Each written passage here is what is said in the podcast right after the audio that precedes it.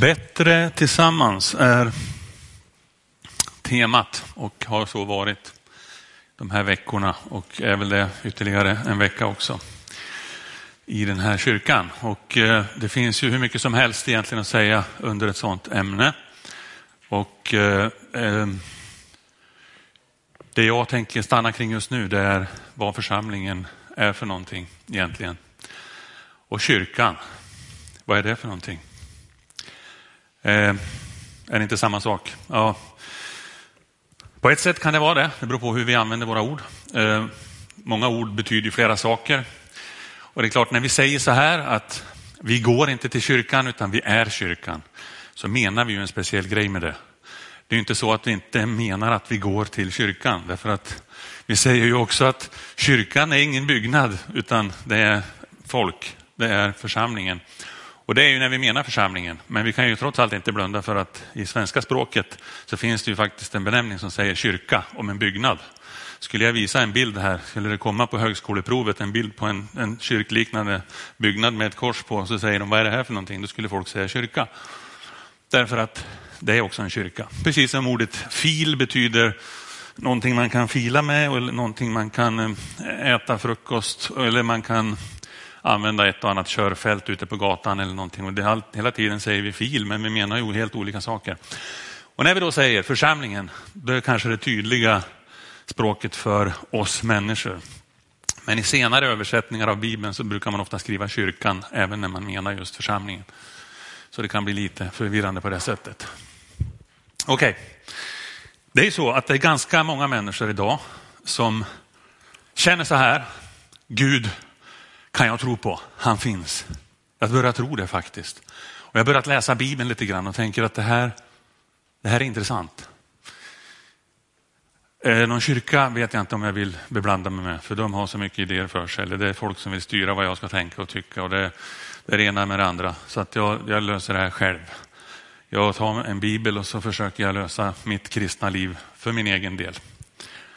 Och så kommer man undan vissa saker, tänker man.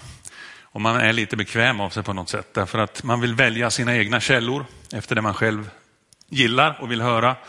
Eh, man kanske känner så här att jag vill inte dela en gemenskap som, som tillför mig de jobbigare sidorna kanske. När jag ska hjälpa någon annan med någonting och när jag ska stå vid sidan av någon annan person och göra nytta. Liksom. Utan jag, jag vill ta del av det jag vill själv och sen glida undan. Sen är det inte bara säkert så med alla. Jag menar inte det att alla som liksom inte går med i en församling någon slags undanglidare, utan det finns ju andra skäl till att man inte är med i en församling. Det kan vara att man har varit med i en församling och har fått problem med någonting och tycker någonting har varit jobbigt eller någon konflikt och så har man glidit ut ur församlingen och kommer också uppleva att det faktiskt är rätt mycket torrare och svårare att vara en kristen helt utanför församlingen. Det kan också ske på helt andra sätt givetvis, så är det. I vilket fall som helst så är det en poäng i att man slipas ihop med andra människor. Att man lär sig saker av varandra. Att man bär varandra framåt. Och det kan du också få vara med och bidra med. Inte bara själv. Du känner själv att ja, men jag behöver ingen hjälp. Nej, du kanske kan hjälpa andra istället. Det finns flera poänger med det. Nu har ni papper, en del av er som har fått det och har pennor som ni kan använda. Vitsen med det är helt enkelt bara att det är lättare att komma ihåg saker om man får både se det, höra det och samtidigt skriva det. Det ökar chansen lite grann att du minns vad jag har sagt på torsdag också. Okej, okay. det första. En familj. Det är en bild av vad församlingen är för någonting. Det är en familj och därför så bygger den på relationer, inte lagar och regler. I första hand. För jag måste ändå lägga till att det behövs. Det finns ju faktiskt regler och lagar för hela samhället egentligen som också behövs. Men det är baserat framförallt på relationer. Inte i första hand ute efter att nu ska folk följa de här reglerna. I första Petrusbrevet så står det så här i tredje kapitlet, vers 8. Och nu ett ord till er alla. Ni bör vara som en enda stor och lycklig familj. Fyllda av sympati för varandra och älska varandra med ömhet och ödmjukhet. Wow. Oj. Vilket ställe en församling måste vara. Vilket paradis. Vilken felfrihet. Men det kanske inte är det riktigt. va? Men det är en regel så att säga, en tanke, en, eh, en uppmaning ifrån Gud. Att tänka så, var, ha sympatiska mot varandra, älska varandra. Var inte jobbiga mot varandra utan hjälp varandra. Då är väl en församling ett perfekt ställe med massa felfria? Nej, men det är inte det. Och det är det vi har sagt ifrån början, vi som har gått med i en församling och som tillhör en församling. Jag är inte perfekt. Jag gör mina fel. Jag har gjort mina brister och fel i mitt liv. Det kallas också för synd många gånger i Bibeln. Därför så erkänner jag det. Det första vi har gjort liksom, när vi har gått med i en församling, det är att ha lagt oss platt på backen och sagt bara, jag gör misstag, förlåt, jag har gjort fel.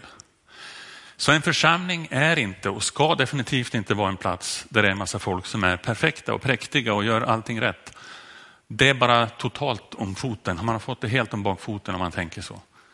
Sen kan man ändå uppleva kanske ibland att man har kontakt med någon som är med i en kyrka som verkar väldigt präktig och som bara pekar på andra hur fel man gör. Så här, därför att de har haft en utveckling i sitt liv där de kanske har liksom blivit så vana, allting ska vara så bra och så börjar man bygga upp en egen liten värld igen och så tappar man det här. Och så blir det fel. Ja, återigen som jag sa, fullt av folk i en församling som gör fel och missar. Så och jag. Det står till och med i Galaterbrevet, alla har vi våra svagheter och problem att kämpa med och ingen av oss är fullkomlig. Det kan bli känsligt i en familj. Syskonkärlek är ju något speciellt. Det vet vi som har syskon och vi som har barn som har syskon och vi ser hur det kan funka ibland. Syskonkärleken är väldigt speciell. När den kommer på sin spets, när den går med till kritan på något sätt, oj, då försvarar man varandra, då älskar man varandra. Men rätt vad det är, när man sitter hemma och ska samsas om någonting, då ryker fjädrar och annat. Ja, fjädrar är det inte så många som ryker kanske, men jo, kanske fjädrarna i soffan. Jo, eh, det kan bli känsligt som sagt. Men eh, den här titeln, det här ryktet att en församling är något perfekt ställe, släpp det. Det kommer ge besvikelse så fort första konflikten uppstår. Det här är ett ställe som är mer som en verkstad än något annat. Ett viktigt kännetecken är det jag sa, att vi erkänner vår synd, erkänner våra fel och det börjar på ett sådant ställe och då är det ganska klart att man kan gå till punkt två. En församling är också då en, och en kropp och ett för, inget företag. Det är en kropp, det är inget företag vi pratar om. Därför bygger vi på Bibeln, inte på bolagsordningar, aktiebolagslagen eller någon annan variant av regler. Även om vi försöker följa reglerna naturligtvis som gäller för församlingar och för föreningar och så. Så, så är det framför allt det vi bygger på, det är från Bibeln. En organisation och ett företag har ett fokus som oftast handlar om pengar. Eh, det kan handla om prylar, pengar. Det handlar om vinster. Det handlar om popularitet försöka göra sitt företag populärt, göra sin organisation populär så att många går med, många vill vara där. Eh, många är med och satsar där och så kan man tjäna pengar på det och så kan man växa och bli bättre och större. Det är ett fokus som ligger åt det hållet, ett slags underhåll av en verksamhet. Medan en kropps fokus är mer omkring livet.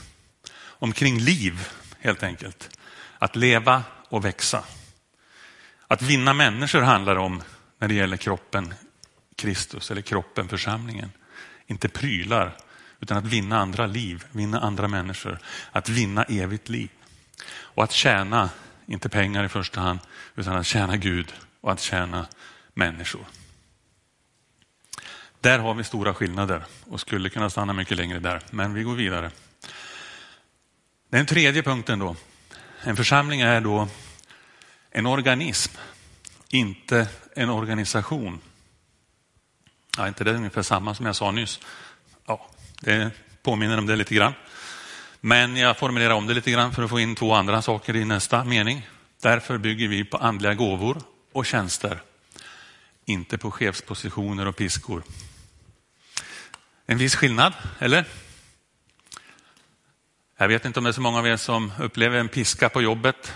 Eh, nu menar jag ju inte fysiskt, för det tror jag inte att någon gör, men, men eh, att ni upplever liksom att ni är jagade hela tiden och det ska bli bättre vinster och snabbare jobb och färre som anställda och allt det här som pågår. Eh, chefspositioner är ofta sånt folk står efter och försöker nå. Och det är liksom viktigt att eh, få komma upp sig på något sätt och det handlar om karriär och annat. Och då tänker jag så här bland annat, att det är lätt för oss att följa samhällsdebatten. Det är lätt för oss att lyssna på den. Eh, och den gäller ju väldigt olika saker, olika tider och perioder. Men eh, det är oftast så här att samhällsdebatten som speglas i vår tv, i vår media på olika sätt, i tidningar eller radio eller annat, så, så är det väldigt sällan baserat på Bibeln det man diskuterar där. Även om det skulle kunna vara det egentligen, därför att det är saker man pratar om som har kopplingar till Bibeln. Men det är otroligt sällan man ser någon som får en plats att sitta där liksom och vara någon som ska vara språkrör för vad Bibeln säger idag. I Sverige i alla fall och i många andra länder. Men i församlingen, som är en organism, som är en kropp, så bygger vi på Bibeln, som jag sa eh, alldeles nyss här, och som, som jag också sa, på andliga gåvor och tjänster.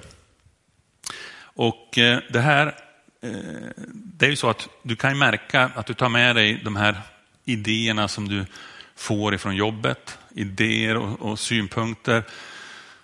Det kan vara åsikter, det kan vara en, en eh, världsbild som du har, en gudsbild som du har som påverkas av människor på din arbetsplats eller på din skola eller var du befinner dig på dagarna. Och den påverkas så att man liksom tar med sig den till och med ända in i kyrkan och ända in i församlingen. Där vi egentligen har en helt annan utgångspunkt ifrån Bibeln än vad man har i samhället. Då blir det en viss konflikt som kan uppstå. Därför att vi kan tycka saker på ett ställe och så tycker vi något annat på ett annat ställe. Det gör man ju till och med, det gör man ju faktiskt till och med trots att man inte är med i någon församling. Oj, många människor jag har pratat med som, som går omkring med en uppfattning i en viss fråga. Eh, och så ställs man inför en situation där man ska berätta och prata om vad man tror och tänker i en viss fråga och så vet man att den här frågan ska jag ju tycka så här, därför att det säger ju hela media och det säger ju tydligen alla andra svenskar att jag ska tycka och de påstås ju tycka det. Så då säger jag rätt svar här. Och så har jag egentligen en dubbel åsikt, för jag går omkring med en egen åsikt och en offentlig. Därför att jag vet hur jag ska uttrycka mig till någon annan. Och det är trots att man inte ens är med i en församling. Är man med i en församling och är man kristen, tror på, tror på vad Bibeln säger, så kanske man ännu mer kan märka det här, att man har en syn i det här och så får man bete sig försiktigt ibland i vissa frågor därför att man inte ska stöta sig med folk och ställa till med problem. Det är lätt att man tar med sig de här grejerna till kyrkan fast man vet att egentligen så litar jag framför allt på vad Bibeln säger.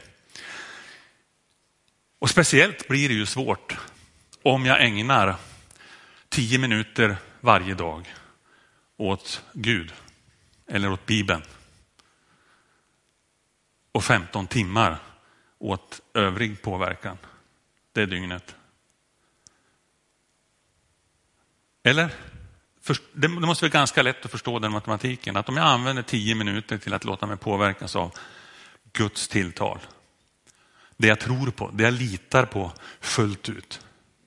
Och så använder jag 15 timmar eller kanske 10-15 timmar av resten av dygnet till det jag egentligen vet att det här är massa påhitt. Det här kommer det lögner och här kommer det saker som inte alls är egentligen vad jag tror på. Men jag matas ändå in med mig jag måste ju leva i den här världen och ta emot en massa sådana saker. Så jag menar inte att vi ska stänga in oss i en garderob och liksom sitta själva bara. Absolut inte. Men eh, vi kanske behöver balansera upp lite grann och tänka hur, hur mycket behöver jag påverka mig av, av vad Gud säger faktiskt. Han som jag vet har rätt och han som jag vet kommer att leda mig rätt in Genom hela livet, ända tills jag dör och genom ända till evigheten, efter jag har dött till och med. Där har vi ju det viktiga. Bibeln är auktoriteten i en församling. Bibeln är mönsterbilden för våra liv, för hur vi ska leva tillsammans, för att också bli bättre tillsammans. Den, är, den ger värderingar, den ger oss en världsbild, den ger oss en gudsbild som är sann och som kommer från Gud själv. Den ger oss en människosyn som är Guds människosyn. Inte som är fabricerad på någon byrå som just nu tar fram det som är häftigast att säga just nu. Eller det som har blivit en trend på senaste decenniet och som kanske svänger nästa decennium igen. Utan det här är han som har skapat oss och som verkligen vet vad vi är för någonting. Det är så sjukt egentligen om vi ägnar mer tid, mycket mer tid åt att lyssna på de som inte har koll på läget istället för han som har koll på läget. Egentligen en självklarhet. Vad menar jag nu om att vi följer Bibeln och att vi försöker gå efter det som en auktoritet? Ja, du kanske får en jättebra idé när du sitter på ditt jobb. Du kanske är med i ledningen på företaget eller på organisationen eller kommunen eller var du befinner dig. Och så tar man fram ett nytt koncept med någonting eller man kan ta fram kanske ett sätt att jobba eller en tankegång att ja, en ledningsgrupp i, i, en, i, en, i en stor grupp eller en församling eller i en, i en eh, avdelning eller någonting ska, ska vara nio personer. Nio, kanske sju personer. Det har vi kommit fram till, det är det smartaste, det är det optimala. Hur tänker jag då i en församling? Om jag får det tipset, om jag får den tanken. Och så tar jag med mig det till kyrkan. Okej, okay, jag har hört, nu vet jag här att de har räknat ut i massa forskning och grejer de senaste 30 åren att det är smartast att ha nio eller sju pers i ledningen. Hur många har vi i församlingen i ledningen? Ja, då tänker jag så här. Att det första som är intressant att veta det är vad säger Bibeln om hur många vi ska vara i en församlingsledning. Det är inte vad de senaste rönen säger, i, i, även om det är ett jättebra tips och någonting som kanske funkar jättebra. Och vad kokar det ner till i det här fallet då? Jo, att Bibeln säger inte om det ska vara nio eller sju eller elva. Alltså, ja men det här kan vara en intressant tanke, den kan vi lyssna på. Det kanske kan vara någonting att lära sig av. Därför att det finns inget som säger emot vad Gud har sagt i det här. Han har inget emot att vi är nio pers i en ledning eller 17 eller något annat. Men så kanske någon annan kommer att säga att jag har hört en annan, ett annat rön som säger att det är mycket smartare att inte ha någon ledning alls. Det ska inte finnas någon ledning i, och då ska vi inte ha någon i församlingen heller. Ja, eh, vänta nu. Vart kollar vi det någonstans först? Jo, vi kollar i Bibeln först. Säger Bibeln att vi ska ha en församlingsledning? Ja, det säger den. Den säger vad det ska vara för typ av människor där. Okej, okay. då tack för tipset, men eh, Gud har gett mig ett annat tips. Jag litar på Gud mer, tyvärr, än på dig. Eller inte tyvärr, men tack och lov gör jag det. Förstår ni vad jag menar med hur man tänker? Har du tänkt på det själv? Brukar du tänka på det själv när du kommer till sådana här olika praktiska frågor, principfrågor? Att det första du tänker är, okej, okay, finns det något i Bibeln omkring det här? Kan jag bolla det med någon annan som har läst mycket i Bibeln eller som håller på med sådana här frågor? För jag vill veta det först. Hur tänker Gud kring de här frågorna? Och ibland har inte Gud några direkta åsikter. Han kommer inte att påstå att vi ska ha gudstjänster klockan 14.30. Det är det enda bibliska vi kan göra. Sådana frågor finns inte där. Alltså kommer inte det vara ett problem. Det kan vi bestämma själva efter hur vi tycker det passar. Men det finns andra frågor som vi inte kan bestämma själva hur vi tycker det passar. Därför att han har talat om för oss vad som gäller och vad som är bäst för oss. Det är det som är bra också. Tänk om det vore någon fälla. Men det är det inte, utan det är vad som är bäst för oss som han kommer med. Det är därför det är så bra att följa det. Jag tänker också så här, att i det moment som vi väljer en annan auktoritet över ordet, i det tillfälle, det ögonblick som jag bestämmer mig för att jag låter något annat få ta över här nu. Jag vet att Bibeln säger emot det jag tänker nu. Men eh, vi måste göra så här för det blir enklare eller det ser bättre ut eller det är bekvämare för mig eller det kan vara alla möjliga skäl till det. Men i det ögonblicket så blir vi mer en förening. Då är vi tillbaka på organisationer och företag och sånt tänk än en Guds församling. För en Guds församling har Bibeln som grund och har Bibeln som rättesnöre. Och hur bygger den upp med det här med andliga tjänster och sånt? Jo, Efesierbrevet 4 säger att några har han gett, har han, det är Gud själv, eller anden, har gett i uppdrag att grunda församlingar, andra till att tala på Guds uttryckliga befallning och andra till att vinna människor för Kristus. Andra åter har fått gåvan att vårda sig om Guds folk, som en herde gör med sina får, genom att leda och undervisa dem om Guds väg. Hur kommer det sig att han ger var och en av oss uppgifter som vi är särskilt lämpliga att sköta? Jo, det är för att Guds folk ska vara väl rustade för att tjäna honom bättre. Vi ska bygga upp församlingen Kristi kropp. Här är kroppbilden igen. Till en stark och mogen gemenskap. Vi har bilden av, av en kropp flera gånger i Bibeln. Den återkommer om och om igen. En hand som skiljs från sin kropp kommer inte att ha det så enkelt ganska snart, eller hur? Den ska vara där. Den ska ha connection. Den ska finnas där och vara kopplad till kroppen för att den ska funka fullt ut som den ska. Och för att kroppen ska dessutom ha nytta av den handen där den är och där den sitter. Fingrarna, vi kan dela upp det i hur många delar vi vill. Men delarna har sin plats och de är otroligt viktiga. Och där är det en, en, en tajt bild och liknelse mellan kroppen och församlingen på många ställen i Bibeln där man tar det som en bild. Därför att du är väsentlig för församlingen.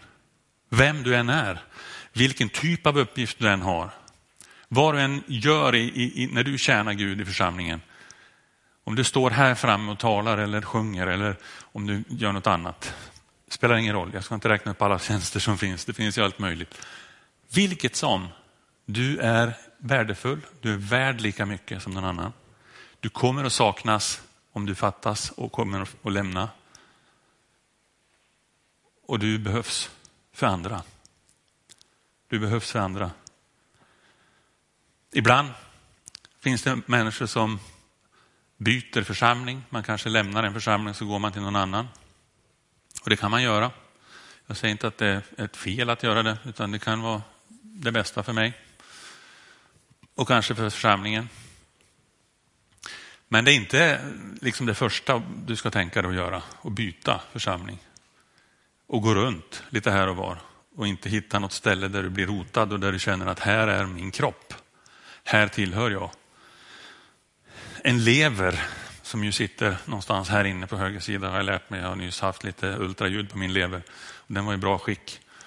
Eh, där, den, den tar man ju inte ut liksom och flyttar in i andra kroppar tillfälligt. Så här, ja, nu, nu tror jag levern ska vara i en annan kropp ett tag. Eh, vi får se hur den funkar där. Men vi kan prova ett tag i alla fall och sen, nej men det här mådde jag inte så bra. Nu tar vi över levern till en annan kropp. Alltså, det blir en överdriven bild kanske du tycker, men det är inte riktigt så överdrivet, utan det blir ju lite så om du flyter runt bara och tänker att ja, men jag kan vara med lite här och var i olika församlingar. Eh, i längden så är inte det det optimala. Det är det inte. Det blir många, det blir många sår efter att du har plockat ut levern liksom på olika, åt olika håll. Eh, transplantationer finns ju Eh, och det finns ju undantag. Alla, alla bra regler har också vissa undantag ibland. Så att jag menar inte att det aldrig kan hända eller att du aldrig någonsin ska byta en församling. Ni förstår vad jag menar tror jag. Skillnaden mellan att glida runt och inte hitta sin bas mot att göra ett byte någon gång. Det är en annan sak. Han är trädet, står det också. Han är vinträdet, vi är grenarna. Där blir det väldigt tajt, eller hur? Kapar du grenarna så händer någonting. Den kommer att dö efter ett tag, den kommer att vissna, den kommer att bli sämre, den kommer förlora liv, den kommer förlora kraft. Det blir inte bra. Den ska sitta ihop med trädet. En annan bild som används är att vi är stenar i ett husbygge. Det säger flera bibelställen att vi är. Och man säger då att Jesus är hörnstenen i det här bygget som är den viktigaste stenen där. Ungefär som Nej, jag ska inte byta bild här nu. Utan det, hörnstenen är viktig i ett bygge. Så är det. Nästa bibelställe, Efesierbrevet 2.19. Nu är ni inte längre främlingar för Gud, utan ni är medlemmar i Guds egen familj. Här kom det igen. Medborgare i Guds rike, ett till uttryck för det. Tillsammans med alla andra kristna är ni barn i Guds hus. Den grund ni står på är apostlarna och profeterna och den sten som bär och håller samman byggnaden är Jesus Kristus själv. Jag ska säga en mening nu som egentligen är otroligt kaxig och eh, anspråksfull. Församlingen är den viktigaste gruppen människor på den här jorden. Församlingen är det viktigaste du kan tillhöra på hela jorden, i hela världen, överhuvudtaget, genom alla tider. Vad säger du för någonting? Ja, jag menar vad jag säger. Jag menar precis vad jag säger. Man använder ibland uttryck som den universella församlingen och den lokala församlingen. Det finns inget företag i den här stan, Lidköping, eller Skövde eller någon annanstans som kommer att bestå för evigt. Tror ni det? Tror ni det är någon firma någonstans som kommer att göra det? Jag, innan jag bodde, flyttade till, till Lidköping så bodde, bodde jag i Falun. Där fanns det ett stort företag som hette Stora. Det heter numera Stora Enso. Det är ett stort välkänt företag på börsen som är väldigt gammalt. Faktiskt betraktar man det som världens äldsta företag. Från 1200-talet. Men eh, inte ens Stora Enso kommer att bestå i evighet, även om det har funnits väldigt, väldigt länge. Det finns eh, ingen förening som kommer att bestå i alla tider. Det finns ingen kommun som kommer att klara hela världsperspektivet ut till tidens slut. Det är så. Det finns inget, inget större, det finns ingen nation som kommer att klara det. det finns, Kina kommer inte att överleva i evighet. USA kommer inte att finnas i evighet. Hela länder, hela nationer kommer att upphöra och försvinna. Sverige kommer inte att finnas mer en dag. Så är det. Det finns inga regeringar, det finns inga presidenter eller kungar eller något annat som tycker sig vara så stora och leva så länge. Men det, nej, de kommer att få ge upp dem också. Så är det. Det finns endast en grupp människor som kommer att fortsätta i evighet. Vet ni vilka det är? Det är församlingen. Det är församlingen. Den kommer att bestå. Även om så jorden sprängs i bitar så kommer församlingen att bestå. Därför vågar jag säga det jag sa. Att det finns ingenting som är så viktigt för dig att tillhöra som Guds församling. Missa inte det genom att sitta för dig själv och tänka att jag kan klara mitt eget kristna liv själv. Utan du behöver vara en del av en församling. Det universella tänket att jag är med i en universell församling. Ja, det finns ju kan man säga en universell församling i form av att alla som någonsin har tillhört Kristus genom alla tider, eh, de är med i en slags universell församling i alla länder överallt. Så att vi på ett sätt är vi ju det. På ett sätt. Men det blir ju inte det konkreta du kan gå till. Det finns ju ingen adress där. Liksom. Det finns ju ingen du kan ringa där om du blir dålig och sjuk och behöver hjälp eller någonting annat. Utan den är, den är liksom i luften någonstans. En del kan ju tänka så här att jag, vill, jag skulle vilja spela hockey i, i SHL, elitserien eller i, i division 1 eller någonting, eller fotboll. Men jag vill inte vara med i något lag. Alltså jag, lag har jag inget intresse av, för jag vill inte gå in i några regler och, och, och liksom bestämma hur det ska stå. så här. Men, men jag vill spela i, i, den ligan. Lycka till. Det är ingen som kommer låta dig göra det, för det funkar liksom inte. Du behöver finnas med någonstans. Släpp det och släpp komfortzonen. Försök våga vara del i församlingen. Församlingen har brister som jag sa tidigt, men eh, den har mycket som är bra och du kan bidra till att vi blir bättre. Ibland kan man tänka, tänk om man hade fått vara med i, i Korint eller något sånt där, någon av de här församlingarna som Bibeln beskriver, i Galatien eller något sånt. Där hade det varit helt perfekt. Nej, det hade det inte varit. Där hade de stora problem. Där var det konflikter så det smällde om det. Där hände det grejer som inte var jätteroliga.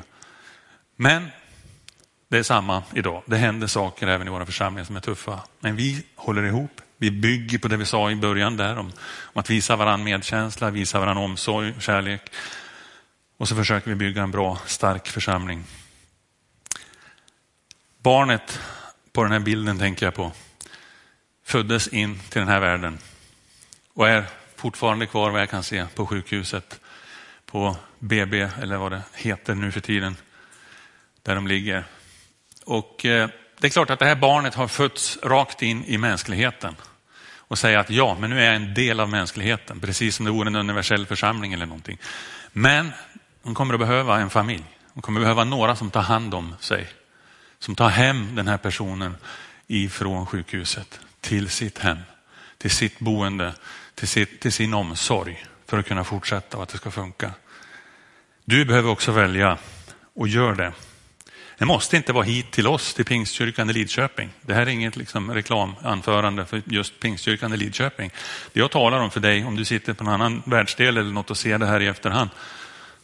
Ta den församling du kan få tag i som är en Guds församling och som bygger på Bibeln och du är välkommen dit så får du vara en del av Guds församling. Missa inte den viktigaste gemenskapen på jorden.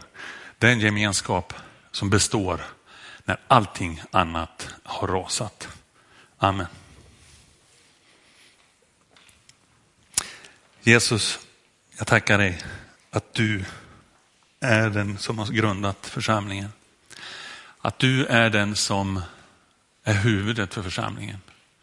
Och jag tackar dig Herre för var och en Herre som är med oss här i kyrkan idag. Som är med via radion eller som är med via nätet på något sätt Herre. Tack Jesus att du finns hos var och en. Tack att du är nära var och en. Tack att du vill tala Herre till den som behöver ta en ställning och ta ett, steg in emot att vara med i din församling. Vi blir bättre tillsammans. Vi blir bättre tillsammans under dig Herre framför allt. Hjälp oss att stötta varandra. Hjälp oss i den här församlingen Herre att få vara bra medarbetare till varandra. Bra medmänniskor Herre som älskar varandra, som lyfter varandra och som försöker hjälpa varandra vidare på vägen tillsammans mot evigheten. Och tack Herre att vi inte har ett hopp som tar slut någonstans där världen går under. Utan att vi kan tillhöra dig forever, alltså, hela vägen, hela tiden i evighet. Tack att det gäller oss det löftet. Därför att vi är dina barn, därför att vi tillhör din familj, ditt folk, ditt rike, din församling. Amen.